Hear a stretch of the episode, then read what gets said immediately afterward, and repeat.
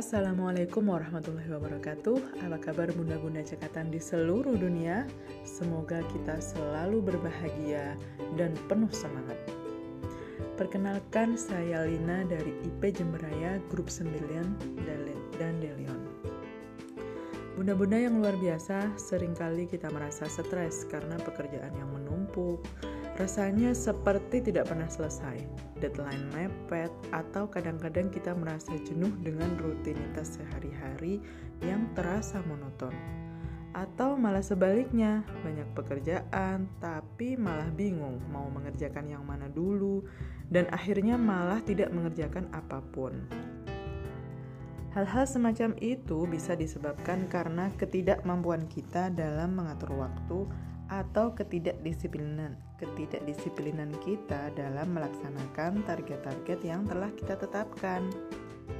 Seperti yang kita telah ketahui, waktu adalah aset yang berharga yang dimiliki oleh semua orang. Waktu tidak bisa kembali, dan oleh karenanya kita harus bisa mengatur waktu dengan baik dan bijaksana agar tercapai apa yang kita inginkan dalam hidup kita.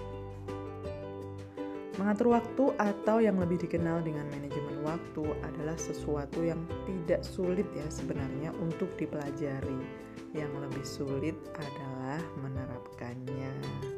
Nah, berikut saya akan membagikan 11 cara yang sangat mudah untuk memulai program manajemen waktu yang tentu saja mudah untuk diterapkan.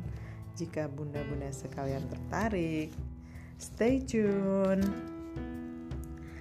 Nah, jadi cara yang pertama adalah memprogram diri kita sendiri dengan mengafirmasi diri kita sendiri bahwa kita adalah seorang yang mampu mengatur waktu dengan baik dan sangat produktif.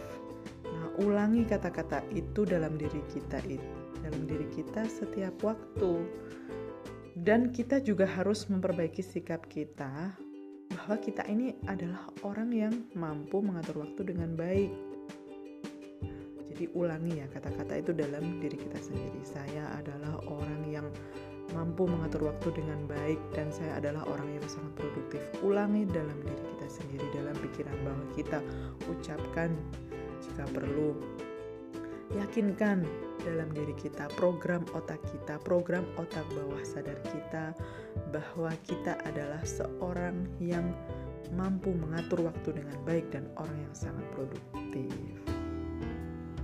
Dan bahkan jika perlu ya menurut para ahli, jika kita belum mampu berpura-puralah ya berpura-puralah untuk menjadi orang yang mampu mengatur waktu dengan baik dan menjadi orang yang produktif sampai kamu, sampai kita benar-benar mampu menjadi orang tersebut. Cara yang kedua adalah menentukan visi dan misi. Nah, visi dan misi ini adalah bagian yang paling penting ya dari manajemen waktu. Nah, karena visi dan misi ini akan menentukan bagaimana kita mengatur waktu, bagaimana mengatur prioritas. Nah, untuk membuatnya kita perlu melakukan pemikiran yang mendalam dan berpikir jauh ke depan, 5 atau 10 tahun ke depan. Nah, memiliki visi dan misi ini yang membuat manajemen waktu kita itu menjadi hidup. Tanpa visi dan misi, manajemen waktu kita itu hanya membuat kita melaksanakan target-target kita itu dengan cepatnya. Kalau tidak ada tujuan, kita akan e, tanpa tujuan, tanpa visi dan misi itu hanya akan menimbulkan kebosanan, rutinitas. Itu hanya cepat saja manajemen kita itu hanya membuat pekerjaan kita itu cepat selesai dan tidak ada tujuan. Nah, yang ketiga adalah membuat rencana tertulis. Membuat rencana tertulis ini bisa dilakukan dengan dua cara. Yang pertama, berdasarkan urutan kejadian. Yang kedua adalah menyusun berdasarkan skala prioritas. Nah, cara yang pertama yaitu dengan mengurutkan waktu kejadian ini kita bisa tuliskan secara runut, secara kronologis ya dari kejadian yang pertama hingga yang terakhir. Ini tentu kita bisa melakukan jika kita telah memiliki goal-goal besar, memiliki visi yang jauh.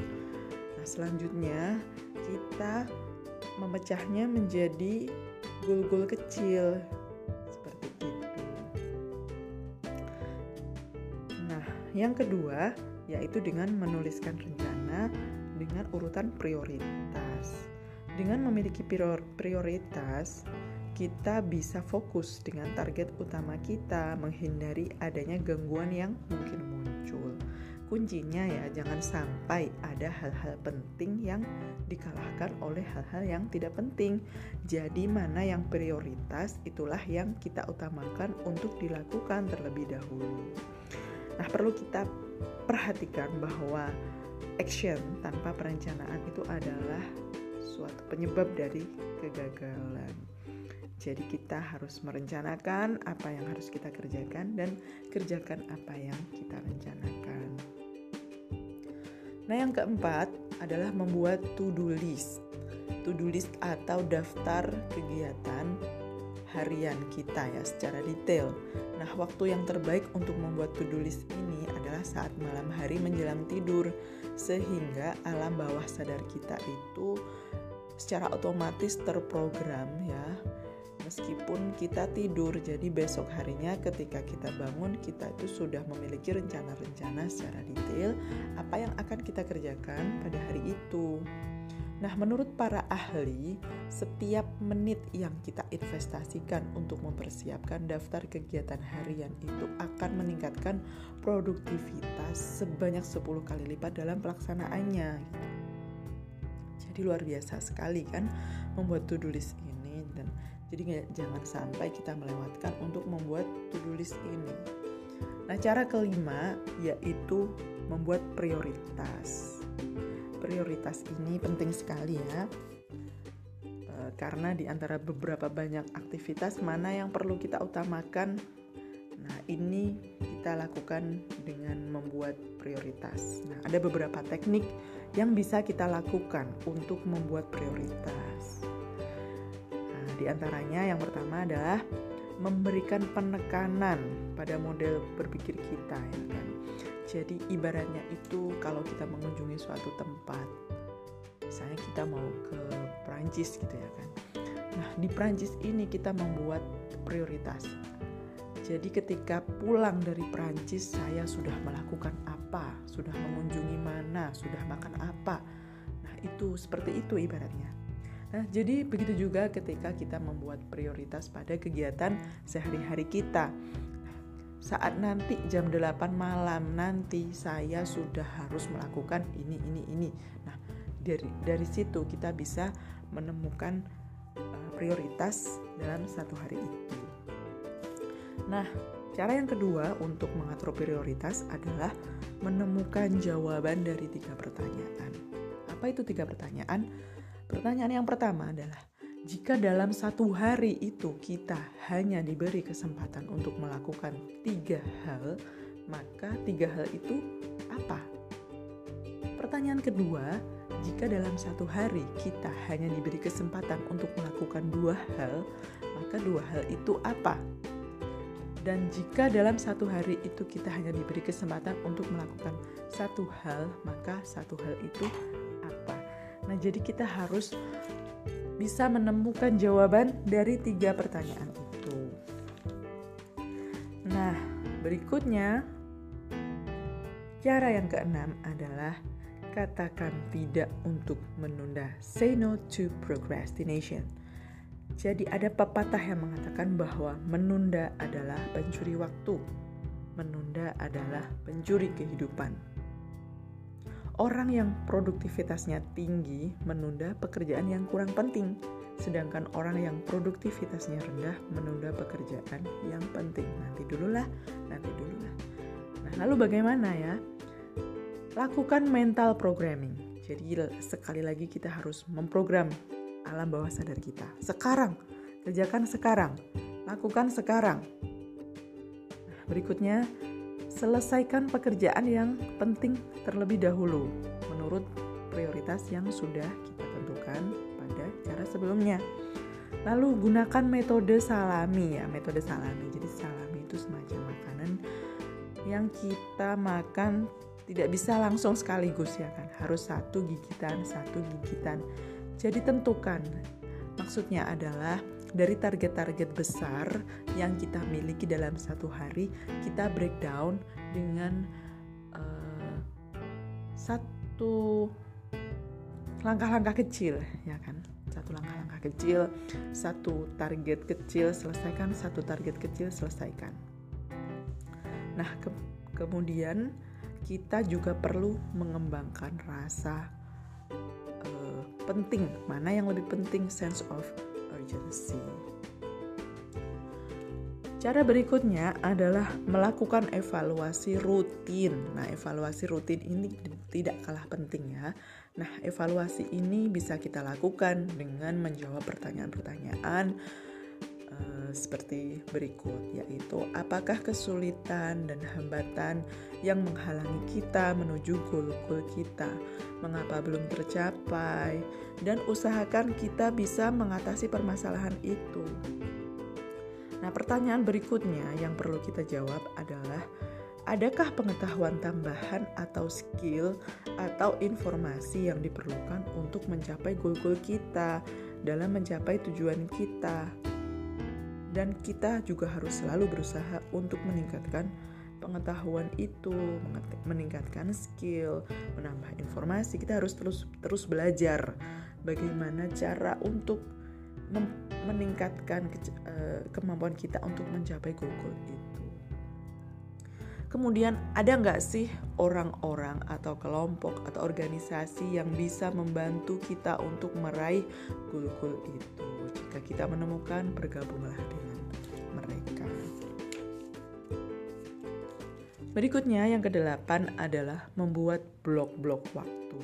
Blok-blok waktu ini bisa kita buat ya bisa kita rencanakan uh, dengan cara menemukan waktu terbaik kita. Biasanya pagi hari di saat kita bangun tidur itu adalah waktu-waktu terbaik di mana kita bisa berkonsentrasi full.